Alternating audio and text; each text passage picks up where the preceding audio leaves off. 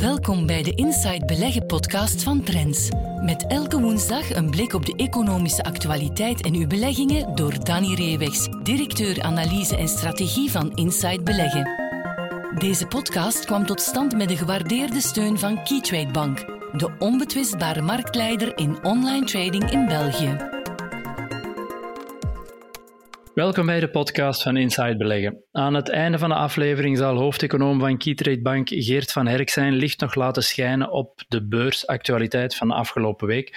Maar eerst spreken we met Danny Reewegs van Inside Beleggen. Dag Danny. Dag chef. Ja, en Danny, deze aflevering uh, een korte terugblik en een vooruitblik. Uh, we zitten op uh, de grens van het eerste kwartaal naar het tweede kwartaal. En even voor de duidelijkheid voor de luisteraar, we hebben dit omwille van vakantieregelingen een beetje vroeger opgenomen. Dus als er ondertussen nieuwe ontwikkelingen voordoen, ja, vergeef het ons dat we die niet meenemen. Maar ja, om even terug te, te blikken op dat eerste kwartaal, ja, we hebben de oorlog in Oekraïne, maar daarvoor was eigenlijk het leidende verhaal op de financiële markten dat van stijgende inflaties en de reactie van de centrale banken daarop. Ja, hoe heb jij dat monetaire verhaal zien evolueren in het eerste kwartaal?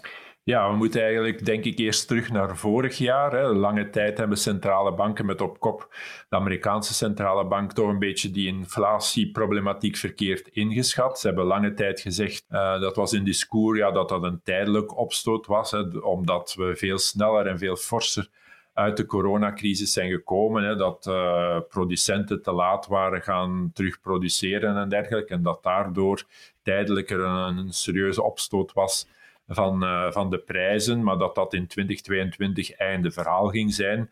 Maar ja, naarmate het jaar vorderde, bleek ja, dat dat altijd maar uh, bleef stijgen, die inflatie. En dat ook meer en meer bedrijven kwamen zeggen, ja, maar ja, dat is niet een kwestie van enkele maanden. Nee, daar zitten we in 2022 en misschien langer ook nog mee. En dan hebben centrale banken en ook dus... Uh, Jerome Powell, de Fed-voorzitter, het discours aangepast. en hebben ze gezegd: oké, ja, we moeten nu versneld werk maken van, van tapering. Dat wil zeggen het afbouw van het stimulusprogramma. En ja, moeten we toch gaan op termijn naar rente, renteverhogingen. En dan ja, is de markt daarop gaan anticiperen. Hè, want we zien dat de beurzen het altijd moeilijk hebben voor dat die rentecyclus, die opwaartse rentecyclus start. En dus zagen we al vanaf begin dit jaar toch dalende eh, beurzen in anticipatie op uh, het starten van een eerste renteverhoging en dus het starten van een opwaartse rentecyclus in Amerika. Ja, dat heeft uh, voor heel wat volatiliteit gezorgd. Enkel en alleen omwille van, van dat uh, toekomstig renteplaatje. Nu kwam daar bovenop nog eens een onverwachte oorlog, de invasie van Rusland in Oekraïne. Toch ook iets dat we niet onbesproken kunnen laten als we terugblikken op dat eerste kwartaal. Hoe heb jij die dingen geschat? Hoe heb jij die uh, ervaren en wat, wat, was de impact op de beurzen? Ja, dus lange tijd was, ja, was iedereen gefocust op inflatie, op, op het rentebeleid. En eigenlijk lange tijd, ondanks ja, dat er duidelijk een manifeste opbouw was van die troepen hè, rond, uh, rond de grenzen van Oekraïne, ja, bleef de markt daar toch lang, ja, uh, zei de markt lang ja, van nee, dat kan toch niet, dat er een oorlog komt in Europa, dat hebben we zo lang niet gehad. Maar toen dat dan effectief gebeurde, kregen we ja, die klassieke reactie van paniek, hè, van toch dat aandelen werden gedumpt hè, uit vrees voor uh, een grote malaise op, uh, op de financiële markten. En ja, opgeteld, zowel vrees voor rentestijging als uh, de oorlog heeft ervoor gezorgd dat de meeste indexen op een gegeven moment toch 15, 20 procent in het rood gingen en dat we toch konden spreken van een zware correctie op de aandelenmarkt. En ja, dat heeft voor heel wat portefeuillebeweging gezorgd in de portefeuille van Inside Beleggen. Je hebt, je hebt jouw lezers uh, verwend met, met heel wat updates en heel wat bewegingen. Ja, hoe, hoe heb jij hierop ingespeeld? Um... Ja, ik heb allee, het historisch perspectief bekeken en gezegd van kijk, ja, als we inderdaad naar een opwaartse rentecyclus gaan, dan gaan de beurzen moeilijke maanden tegemoet, dus hogere volatiliteit. En we hebben daar gelukkig op tijd uh, voor gezorgd dat er een stevige cashpositie was van ruim 30 procent. Vele mensen dachten, ja, is dat allemaal niet overdreven, zoveel uh, verkooptransacties. Maar ja, dat was dan, uh, kwam daar die oorlog bij. En dat was natuurlijk ideaal om een ruime cashpositie te hebben. en hebben daar kunnen van, van profiteren om van die zenuwachtigheid, van die paniek op sommige dagen te kunnen profiteren om via vier aankoopgolven de portefeuille terug aan te vullen. En uiteindelijk, voorlopig, uh, blijkt toch wel dat we mede aan bodemkoersen hebben kunnen, kunnen kopen. Waardoor we ja, mogen zeggen na één kwartaal van ja, ondanks een heel moeilijke situatie, maart was dan wel beter en ja, ongeveer zijn de verliezen voor de meeste indexen gehalveerd geweest. Maar ze staan toch nog allemaal uh, toch behoorlijk in het rood na drie maanden in 2022. En kunnen we zeggen, ja kijk, met de voorbeeldportefeuille hebben we dan toch ongeveer plus 5 gerealiseerd in, uh, in dat eerste trimester. Ja, ja, vrij actief op ingespeeld en dat heeft, eh, dat heeft gerendeerd. Nu, um, je zegt, hè, die opwaartse rentecyclus is vooral de anticipatie daarop dat voor volatiliteit zorgt en dan heb je die oorlog er nog bovenop gehaald. Nu, alles zal nog wel niet verteerd zijn, maar uh, een groot deel daarvan al wel. Um, wil dat dan zeggen dat het voor jou vanaf nu alleen maar opwaarts zal gaan met de beurzen vanaf het tweede kwartaal? Of hoe kijk je daar tegenaan? Nee, hè, de jongste weken is misschien voor sommigen de indruk wekt van ja, het is allemaal achter, uh, achter de rug. Nu, ik denk wel hè, dat de kans reëel is dat we de bodem hebben gezien eind februari, begin maart voor de meeste indexen. Maar dat het nu een, een verhaal is zoals 2020, hè, een serieuze duik en daarna alleen maar terugstijgen. Nee, dat verwacht ik ook niet. 2022 zal geen 2020 bis zijn in mijn ogen, omdat toen de centrale banken nog de ruimte hadden om fors in te grijpen. Hè. Ze hebben toen volop beginnen kopen. Ze moesten toen de rente niet verhogen, want er was geen sprake van inflatie. Eerder in tegendeel was toen terugvrees voor deflatie in 2020 dat verhaal is nu helemaal anders. Dus centrale banken en op de eerste plaats de Federal Reserve, de Amerikaanse centrale bank, kan niet anders dan de rente verder verhogen. Alleen weten we ook niet welk parcours daar zal uitgezet worden. Dat kan alle kanten op. In die zin, het kan gewoon het pad worden zoals gebruikelijk, klassiek. Elke meeting, elke vergadering een, verhoging met 25 basispunten, met 0,25 procent. Maar het kan ook dat men een keer, en bijvoorbeeld in mei dan met 50 basispunten, met 0,5 procent rente zal verhogen, omdat tot nu toe eerder blijkt, oké, de economische impact is er, maar blijft toch binnen de perken. Hè. Het is nog niet zo dat we meteen uh, moeten vrezen voor een zware terugval van de economische groei of voor een recessie. Uh, maar, en dat wel de inflatie op dit moment erg hoog blijft. Dus misschien moet men een keer met 50 basispunten gaan verhogen, ook om bijvoorbeeld obligatiemarkten wat te kalmeren.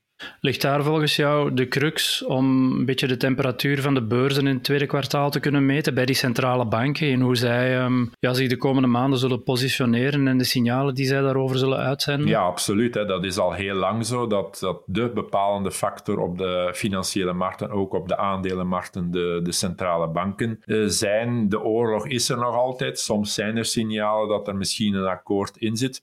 Maar evengoed kan dit nog, uh, nog maanden duren, want militair is het tot nu toe geen succesvolle operatie voor de Russen. En zomaar terugtrekken, ja, dat kunnen ze nu ook uh, helemaal niet, uh, niet doen. Dus ja, dat kan nog een tijdje aanslepen. En dat maakt het beleid voor centrale banken ook moeilijk. We moeten ook aanstippen dat ondertussen er sprake is, zeker in Amerika, van een heel vlakke en soms zelfs van een inverse rentecurve. Dat wil zeggen dat de rente op twee jaar hoger ligt dan die op tien, tien jaar. En dat heeft in het verleden vaak al geleid tot een recessie, dus tot een periode van negatieve economische groei. Nu ja, deze situatie is zo uitzonderlijk en zal ook afhangen hoe lang de oorlog in Oekraïne zal, zal duren. Want als die, bij wijze van spreken, morgen is afgelopen, ja, dan zal de economische impact nog wel uh, meevallen. En zal die inflatievrees uh, toch wel wat temperen en kan, uh, kan de rente natuurlijk terug gaan normaliseren. Dus dat zijn nog allemaal onzekere factoren. Dus een guidance, een voorspelbaarheid zal er niet zijn. En dat doet mij toch wel vermoeden dat we een, een gelukkig rustiger, maar misschien ook wel saaier tweede kwartaal gaan zien op de financiële markten, waar we op en neer gaan, waar we uiteindelijk misschien aan het eind van het tweede trimester, dus halfweg het jaar, moeten zeggen, ja, uiteindelijk staan we ongeveer nog altijd op het niveau van het eerste kwartaal. En dat is dan toch wel verschillend met de situatie in 2020. En mag ik daar dan ook uit afleiden, tenzij natuurlijk weer iets onverwachts gebeurt, dat je niet evenveel bewegingen in de portefeuille zult hebben in het tweede kwartaal als in het eerste kwartaal? Ja, dat is absoluut de bedoeling. Hè, want ja, inderdaad, er zijn heel veel transacties geweest in de loop van die eerste drie maanden. Gelukkig uh, heeft het toch wel bijgebracht tot een uh, goede evolutie voor het rendement. Maar nu is het de bedoeling om, om veel rustiger te ageren. Er kunnen zich opportuniteiten voordoen aan de ene kant, of er kunnen bepaalde bedrijven bijvoorbeeld met eerste kwartaalcijfers zwaar ontgoochelen. En dan moet je misschien wel ingrijpen, maar dat zal toch veel meer, en dat is de bedoeling, in de marge zijn dan terug met heel veel forse transacties uit te pakken. Dus in een ideale wereld zal er geen enkele of haast geen transactie zijn in de loop van uh, het tweede kwartaal. Ja, blijven zitten is toch nog altijd een van de, de belangrijke beurswijsheden. Maar uh, ja, jij bent heel erg bedankt uh, voor jouw overzicht van, van het eerste kwartaal en jouw vooruitblik. En dan graag tot volgende week. Tot volgende week. Dag. We luisteren nu naar Geert van Herk, Chief Economist van Keytrade Bank, met zijn analyse op een aspect van de economische actualiteit. Hallo iedereen en welkom bij onze wekelijkse bijdrage. Zoals we in de podcast van vorige week vertelden, is het eerste kwartaal van 2022 niet al te best geëindigd uh, voor aandelenbeleggers. De meeste Amerikaanse, Europese en Aziatische beurzen ja, die hebben toch het eerste kwartaal van 2022 afgesloten met rode cijfers. Dus geen al te best kwartaal voor internationale aandelenbeleggers. Niettemin was er toch een lichtpuntje in Europa, want de Britse beurs heeft in het eerste kwartaal van 2022 wel een positieve prestatie neergezet. En dat is opmerkelijk. Ja, komen zo dadelijk ja, tot de redenen waarom die Britse beurs ja, een mooi rendement heeft neergezet in dat eerste kwartaal van 2022.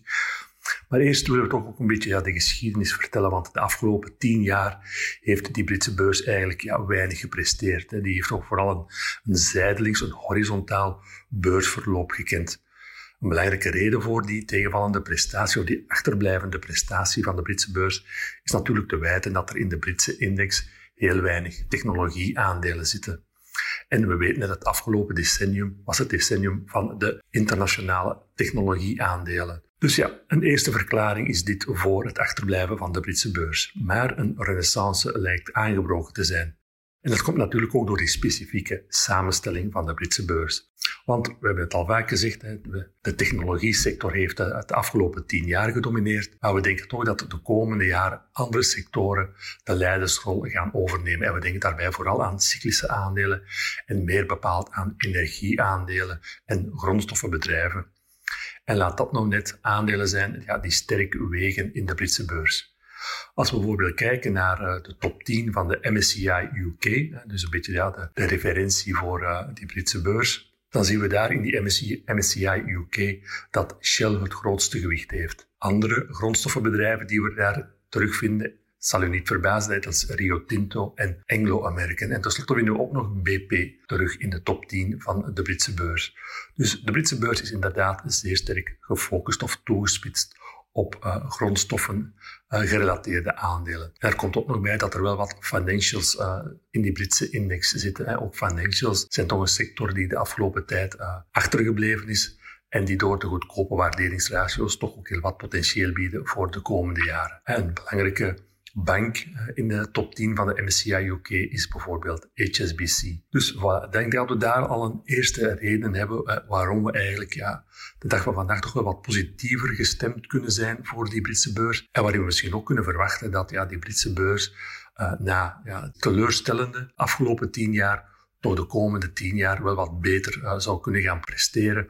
Juist omdat er een sterke blootstelling is aan typische value sectoren zoals banken, grondstoffenbedrijven en oliebedrijven. Dus vandaar ook ja, uh, een beetje onze tip of onze visie van uh, misschien als je als belegger ja, geïnteresseerd bent in die Britse beurs, van toch eens een beetje van nabij te gaan bekijken. Je kan natuurlijk ook heel, gemakkelijk instappen met een trekker ja, die de FTSE of de MSCI UK gaat volgen. Je kan misschien ook eens kijken naar die top 10 bedrijven, want ja, als we verwachten dat de Britse beurs de komende jaren goed, gedaan, goed zal doen, dan zal toch vooral te wijten zijn aan die grote bedrijven die eigenlijk het grootste deel uitmaken van uh, de index. Uh, je kan dat ook eigenlijk heel gemakkelijk. Ik doe dat ook heel vaak als ik bepaalde regio's of bepaalde landen uh, wil analyseren. En die wil een beetje een blik krijgen op ja, welke sectoren zijn belangrijk, welke bedrijven hebben het grootste gewicht in de index. Ja, wat zijn de waarderingen voor die bepaalde regio of dat bepaalde land. Dan ga ik vaak naar Google en dan typ ik, typ ik daarin MSCI UK bijvoorbeeld. En dan krijg je eigenlijk onmiddellijk een pdf met alle relevante informatie voor de Britse beurs. En zoals gezegd, ja, we hebben daar net al gesproken over die, die, bedrijven die zwaar wegen in de Britse beurs, maar we krijgen ook in dat document, die pdf van bijvoorbeeld MSCI UK, ook ja, belangrijke waarderingscriteria, zoals het dividendrendement, de price earnings, de koerswinst en de price to book of de koersboekwaarde. En als we die cijfers vergelijken ja, met eigenlijk de MSCI World, toch vooral gedomineerd wordt door de Amerikaanse bedrijven, dan zien we toch dat er zeer, een zeer sterk waarderingsvoordeel is voor de Britse beurs. Als we de dag van vandaag kijken naar de MSCI World, dan heeft hij een dividendrendement van 1,8%, terwijl dat voor de MSCI, MSCI UK bijna dubbel is met 3,7%. Dus dat is al een eerste waarderingsvoordeel.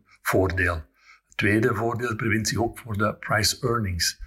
Voor de MSCI World zitten we vandaag de dag rond cijfers van 20, terwijl dat voor de UK 14 is toch ongeveer zo'n 30% goedkoper uh, dan de MSCI World Index. En hetzelfde geldt voor de koersboekwaarde. Dus op basis van die waarderingsratio's, de, de, samenstelling van de index, de sectoren die zwaar wegen in de, de Britse beurs, ja, zijn we toch voor de komende 5 à 10 jaar toch redelijk positief gestemd voor uh, deze, uh, deze beurs.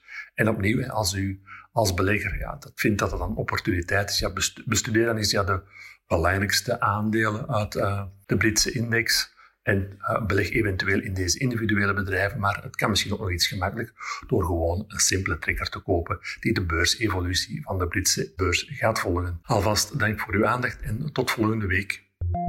Tot zover deze aflevering van de Inside Beleggen podcast. Meer tips, advies en analyses voor uw beleggingen leest u morgen in Trends. Volgende week zijn we er opnieuw. Deze podcast kwam tot stand met de gewaardeerde steun van Keytrade Bank, de onbetwistbare marktleider in online trading in België.